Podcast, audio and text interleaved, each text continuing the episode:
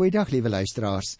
Ek wil graag hier vandag uit die boek 1 Kronieke by twee hoofstukke met julle stil staan. En ek doen dit spesifiek omdat ons hier ook twee aspekte na vore sien kom. Natuurlik sal jy uit die geskiedenis onthou, want ons ken ons almal daarom die Ou Testament, hoe dat Dawid die ark na Jerusalem wou bring. En in hoofstuk 13 kry ons die verhaal van sy eerste poging om die ark na Jerusalem toe te bring.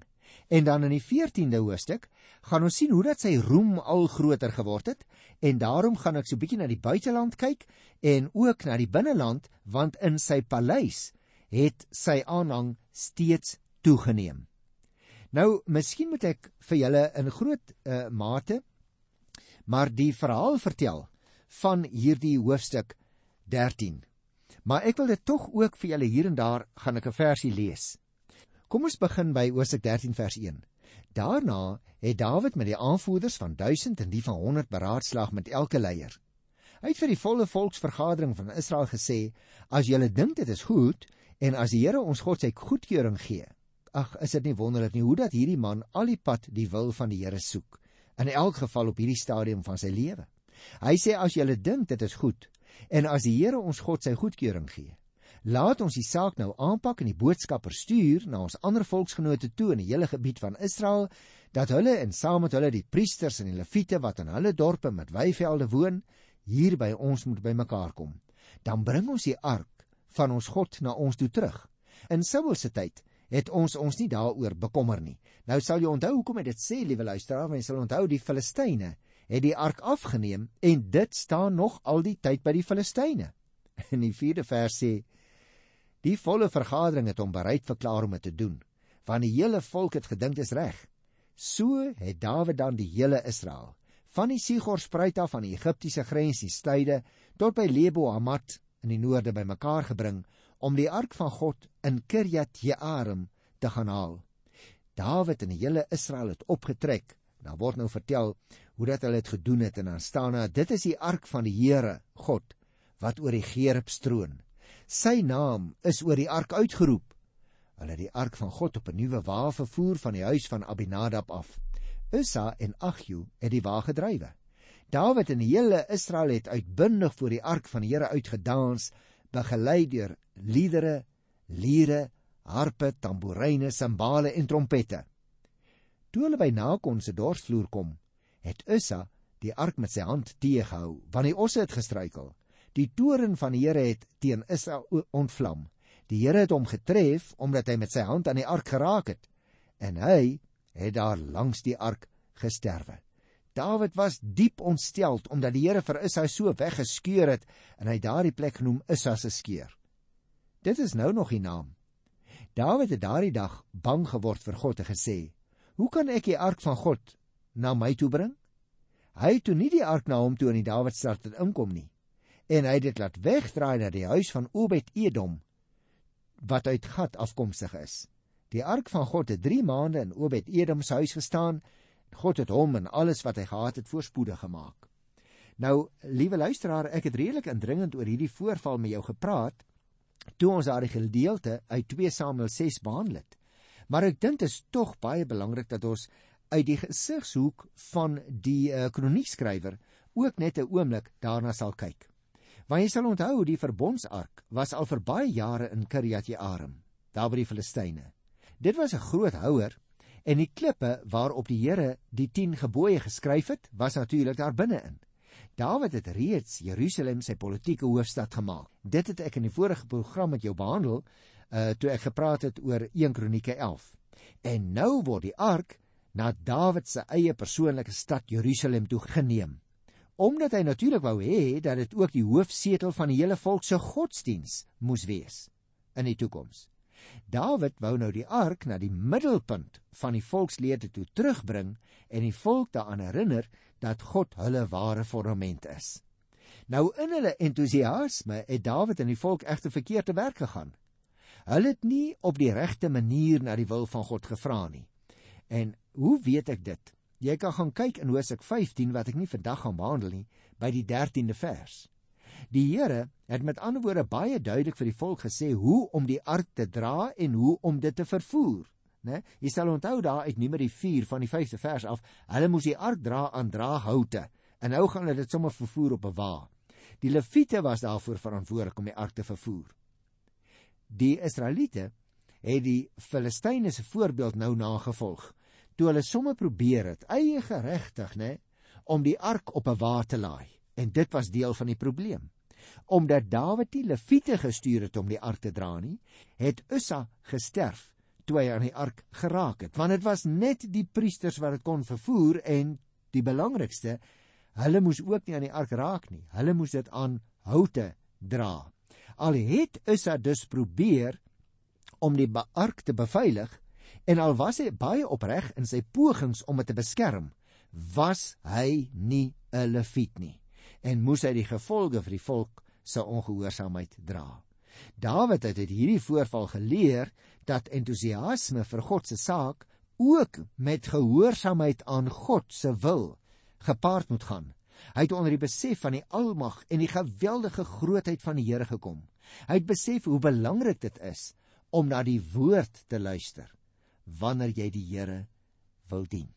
En daarom is hierdie program ook vir ons so belangrik, liewe luisteraar, want dit is die riglyne wat jy en ek ook het van hoe ons kan weet hoe om die Here te dien. Nou dit is die eerste aspek wat ek wou behandel vandag. Dawid se poging om die ark terug te bring na Jerusalem toe. En dit het dan nou nie geslaag nie omdat hierdie mense nie gedoen het soos wat die Here presies van hulle verwag het nie. Die tweede aspek wat ek graag met jou so bietjie wil deurgesels, is die 14de hoofstuk hier by 1 Kronieke. En dit het maar net 17 verse. So kom ons kyk 'n bietjie daarna, maar gaan eers net algemene opmerkings maak. Want hier gaan dit oor die verhaal van hoe Dawid se roem al groter geword het binnelands en buitelands. Baie interessant. Aangaande Dawid vertel Kronieke nou eers in die tweede plek hoe sy roem al groter geword het. Die eerste was die verhaal van die bring van die ark. Hy het hy wat Dawid is, het diplomatieke betrekking met ander konings gesluit, 'n paleis gebou, baie kinders is vir hom gebore en hy het die Filistyne in twee veldslae verslaan. Dawid het egter besef dat die Here hom suksesvol gemaak het en die eer aan die Here gegee. Ter wille van sy volk en die eer van sy naam het Dawid geglo, het die Here hom so suksesvol gemaak. Dawid se roem het nou algaande vermeerder sodat die roem van God se volk ook kon vermeerder en sodat God se heerlikheid daarom onder die volke kon vermeerder. Ons moet onthou Dawid is koning en priester vir God in daardie tyd gewees. In sy koningskap is hy te gelyk ook priester wat sy volk na die Here toe moet lei. Hy is nie net soos enige ander koning gekroon en klaar nie. Hy is voor die aangesig van die Here gesalf omdat hy ook God se dienaar was. Wat Dawid gedoen het, luisteraars, het met die volk en met die Here te maak. God word verheerlik in die roem van Dawid en in die aansien wat sy koningskap vir die volk sou bring. Ons moet ook onthou as Christus gelowiges, ons posisie en ons besittings gaan nooit suiwer net oor onsself nie. Ons staan altyd met dit wat die Here vir ons gee in diens van die koninkryk en in diens van sy heilige naam. Dit gaan altyd, liewe luisteraar, om die roem van die Here in ons lewens. In ons lewe. Ja, maar ook in ons werk, elke dag. As daar van roem te praat is, is dit altyd roem in God. Mens kry dit veral natuurlik in die boek Filippense dat ons in die Here ons roem moet vind. Kom ons kyk nou so 'n klein bietjie van die detail want ek gaan nie die, al die verse uh, behandel nie. Die eerste 2 verse in 1 Kronieke sê dit: Koning Hiram van Tyrus het 'n afvaardiging na Dawid toe gestuur en ook sederhout, geskoolde messelaars, skrynwerkers om vir hom 'n huis te bou. Dawid het toe besef dat die Here hom as koning oor Israel bevestig het, want sy koningskap het hoë aansien gekry ter wille van die Here se volk Israel. Daar sien jy dit baie duidelik, liewe luisteraar. Die Here het die gelowiges geseën ter wille van sy eie eer. En daarom moet jy en ek ons ook afvra. Ek het nou nou daarop gewys. Is die seën van die Here vir my 'n geleentheid om sy seën deur te gee of laat ek dikwels sy seën by my stol want dan is daar natuurlik 'n probleem in my verhouding met die Here. Luister na vers 3 tot hierso by vers 7. In Jerusalem het Dawid met nog vrouens getrou en hy het die vader van nog seuns geword. Hier is die name van die kinders wat in Jerusalem vir hom gebore is en dan kry ons daar die klompie seuns se name. Nou, wat sou die kroniekskrywer hiermee wou sê? Ek dink luisteraars, ons moet daardie 7 verse met mekaar saam lees, want jy sien, in die tyd van koning Hiram, jy sal onthou dit is so 'n 10de eeu voor Christus, was Tyrus natuurlik die belangrikste Fenisiese stad. Maar nou met die oog op sy wêreldhandel, was dit natuurlik vir Hiram voordelig om goeie betrekkinge met Palestina te handhaaf. As heersers van die westelike helling van die Libanonsbergte, het die Fenisiërs oor seedraut beskik die geskoolde messelaars van wie ons daar lees, het nie natuurlik nie met messelklei gewerk nie. Hulle het sonder klei met gekapte klip gebou wat so presies op mekaar gepas het dat dit nie moontlik was om 'n mespunt tussen die twee klippe in te steek nie. Deur die stuur van hierdie geskenke het Hiram as buitelandse koning die posisie van Dawid as koning van Israel erken en hom ook daarvoor geëer en lees ons en dit het Dawid laat besef dat die Here hom as koning oor Israel bevestig het. Jy sien die eer wat hierdie mense aan hom bewys is vir hom die teken dat die Here guns aan hom wat Dawid is bewys het. En daarom luisteraar, is hierdie buitelandse erkenning van Dawid ook 'n erkenning van die Here self deur koning Hiram as verteenwoordiger van ander nasies wat hom erken het. En dit het dus ook nie die primêre doel om die aansien van Dawid se koningskap gegaan nie. Dawid was slegs die middel van wat die Here wou bereik. Die einddoel was ter wille van die Here se volk Israel. Dawid het in Jerusalem lees ons ook nou met nog vrouens getrou omdat dit destyds deel was van verdrae wat met ander volkere en stamme gesluit is. Die grootte van die harem was in daardie tyd natuurlik ook 'n aanduiding van die koning se mag. En met die kinders en die name wat nou genoem word, word hier net na die seuns verwys. Maar dit is tog interessant dat as jy sou gaan lees by Hosea 3 vers 5 tot 9, dit blyk dat daar ook 'n dogter vir hom gebore is in Jerusalem, naamlik 'n dogter met die naam van Tamar en sy is later deur haar eie halfbroer Amnon verkrag. En baie interessant dat haar naam in die geslagslys van die Here Jesus opgeneem word in Matteus 1. Om maar net vir ons aan te dui dat selfs in die voorgeslagte van die Here Jesus was daar ook maar geraamtes in die kas, maar die Here Jesus was die blink môre ster wat uitgestaan het tussen alle voorgeslagte omdat sy ontvangenis gekom het van die Heilige Gees. Nou ja goed, liewe luisteraar, ek wil graag vir jou net 'n kort oorsig gee hierso van die laaste klompie verse uh, wat 'n mens kry in 1 Kronieke 14 van die 8ste vers af.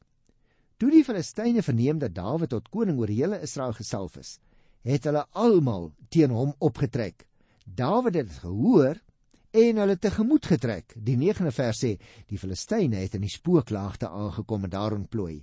Dawid het God geraadpleeg en gesê: "Moet ek teen die Filistyne opruk? Sal U hulle in my mag oorgee?" Die Here het hom geantwoord: "Trek op. Ek gee hulle in jou mag oor." Nou luisteraar, ek wil dit baie graag baie duidelik onderstreep want hier sien ons vroeg in die geskiedenis van koning Dawid se lewe het hy die Here in elke saak geraadpleeg. Daarom toe die Filistyne nou hoor wat is al hierdie wonderlike dinge wat Dawid besig is om te beplan en reeds begin doen en hoe dat selfs buitelanders hom begin vereer, nou raak hulle baie bekommerd want hulle woon in die binneland. Hulle woon in die grondgebied van Juda. En daarom begin hulle nou teen hom optrek. Maar Dawid gaan raadpleeg die Here.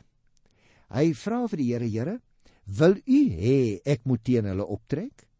En as ek optrek, sal U hulle in my in my mag oorgee?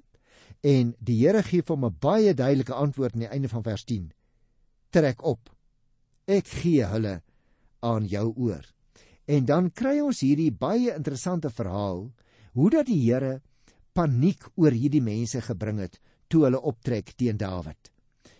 Vers 12 sê selfs die Filistyne het aan hulle haas selfs hulle gode gelos. Dawid het opdrag gegee dat die gode verbrand moet word en dit is gedoen. Ek wil dus uitwys, liewe luisteraar, soos wat die kroniekskrywer hier doen, dat Dawid nie net uitgevoer het wat die Here van hom verwag het nie, maar dat sy volksgenote presies uitgevoer het wat hy van hulle verwag het. En dit is natuurlik baie belangrik dat ons sal raak sien hoe lojaal hulle teenoor hierdie koning van hulle was. Luister nou van vers 11 af. Die Filistyne het toe opgetrek na 'n groot kloof en daar het Dawid hulle verslaan. Dawid het daarna gesê: God het my vyande met my hand gekloof soos water 'n wal kloof. Nou weer eens moet ons duidelik raak sien die kroniekskrywer beklemtoon telkens hoe dat hy die eer aan die Here gegee het. Dit is waarom hulle daardie plek groot kloof genoem het, sê die Bybelskrywer. Maar nou sies, lees ons by die 12de vers. Die Filistyne het in hulle haas selfs hulle gode daar gelos. Hulle vlug dus so hals oor kop dat die ding wat gewone mense altyd baie hoog af ag, naamlik hulle gode, dat hulle daai gode net daar los. Die 13de vers sê: Toe die Filistyne weer 'n keer in die laagte ontplooi, het Dawid God weer geraadpleeg. God het vir hom gesê: Moenie agter hulle aan optrek nie. Luister, nou moet ons mooi luister, luisteraars. Nou sê die Here vir hom: Moenie agter hulle aan optrek nie. Maak hulle maak 'n omsingelingsbeweging van hulle af weg en val hulle aan reg oor die melkbosse. Wanneer jy 'n geritsel in die toppe van die melkbosse hoor, dan moet jy aanval, want dan trek God voor jou uit om die leer van die Filistyne te verslaan. Dawid het gemaak soos die Here gesê het en hulle het die Filistyne verslaan van Gibeon af tot by Geser. Dawid se roem en dis nou 'n stukkie kommentaar van die kroniekskrywer in vers 17. Dawid se roem het na alle lande toe versprei en die Here het al die nasies vir hom ontsag laat kry. Nou, wat is die belangrike ding, liewe luisteraar, wat die kroniekskrywer hierso onder ons aandag wil bring? Ek dink dit is eintlik baie eenvoudig, want dit word heel duidelik vir ons gesê. Die oorwinning oor die Filistyne staan daar in vers 17 het ontsag vir Dawid by al die nasies ingeboesem en hulle het nie meer die wapen teen hom opgeneem nie. Met ander woorde luisteraar, in terme van die Hebreëse teks moet ons dit duidelik verstaan as ons as ons ook in Hebreëus gaan kyk dat die Here al die nasies ontsag vir hom laat kry het. Dit wil sê ontsag vir die Here, nie ontsag vir Dawid nie. Dit is belangrik dat ons dit sal raak sien. Die kroniekskrywer wil hê dat in sy eie weergawe al die lig op die Here moet val. En weet jy, liewe luisteraar, dit is tog so belangrik in jou en in my lewe ook. Ons wil so graag eer ontvang. Ons wil so graag dat ander mense ook sal weet as ons iets goeds gedoen het. Hierdie man, Dawid, sê ek wil hê die Here moet die eer ontvang. En daarom onderstreep die Bybelskrywer juis dit. Nou wil ek dadelik uh met jou saamstem luisteraar dat dit later in Dawid se lewe nie meer so was nie. Want dit was juis hierdie buitelandse vrouens wat hom mislei het. Dit was hulle wat hom laat aanloop het agter ander gode. Jy sien die misleiding en die verleiding in 'n mens se lewe hang soms baie nou saam. Jy kom nie altyd agter wanneer jy op sleeptou geneem word nie. En in Dawid se lewe kan ons dit so duidelik sien. Hy is op 'n wonderlike manier deur die Here gebruik. Hy het al die eer vir sy lewe en vir al sy oorwinnings en sy prestasies aan die begin van sy lewe aan die Here toegebring. Maar ongelukkig gaan ons later sien het dit verander in sy lewe. Die manier waarop Dawid op hierdie stadium uh optree wat vroeër sy pa se skape opgepas het hierdie man wat toe koning geword het met die deurlugtige Fenisiese koning kon onderhandel wat die Filistyne verslaan het ons kan eintlik net een afleiding maak hier is iets buitengewoons aan die gang wat aan die gang is word nou nie deur die Bybelskrywer aan Dawid se besondere deugde en vermoëns toegeskryf nie, maar aan die Here se genade aan hom. Dit was met ander woorde die Here se werk in en deur Dawid. Ek wil weer vir jou 'n vraag vra want as ek hierdie dinge lees in die Bybel dan vra die Bybel as dit ware hierdie vraag aan my.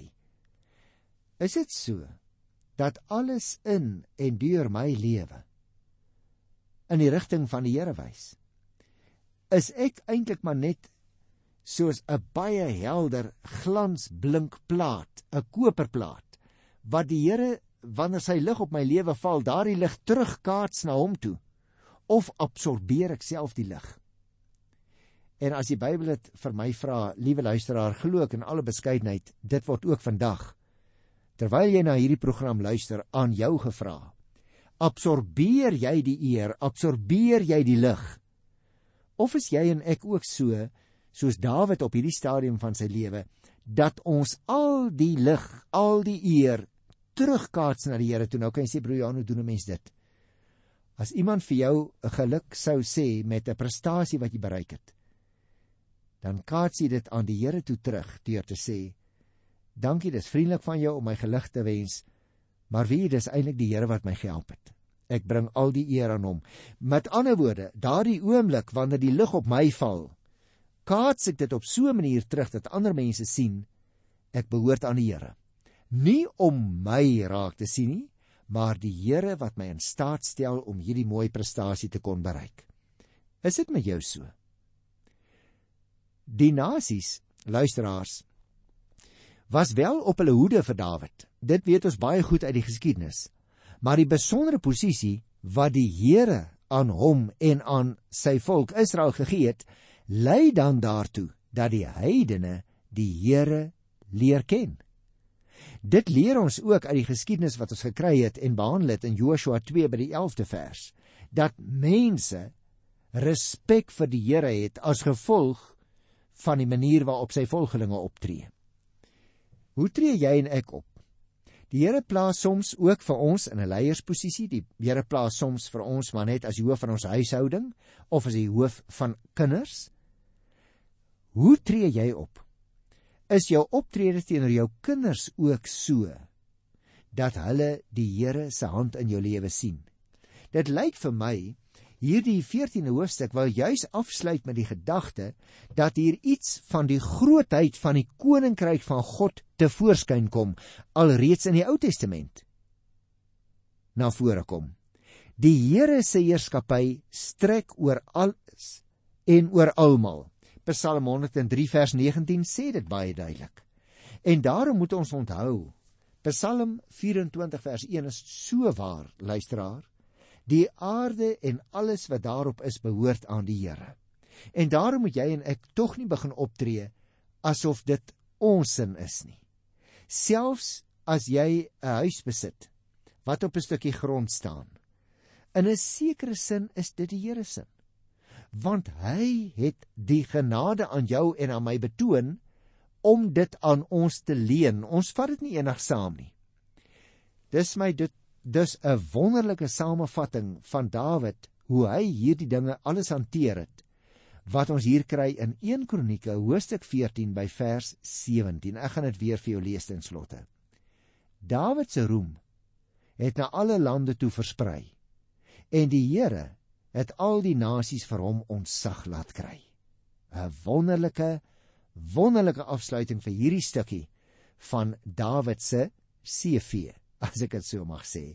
Liewe luisteraar, ek groet jou in die wonderlike naam van die Here. Vereer hom ook deur jou lewe. Dit wat hy aan jou leen, dit wat jy het, dit wat jy bereik, sodat dit ook uiteindelik op die hek van jou en my lewe geskrywe sal kan staan. Die Here is vereer deur ons lewens. Ek groet jou tot volgende keer in die wonderlike naam van die Here, ons God. Tot dan. Totsiens.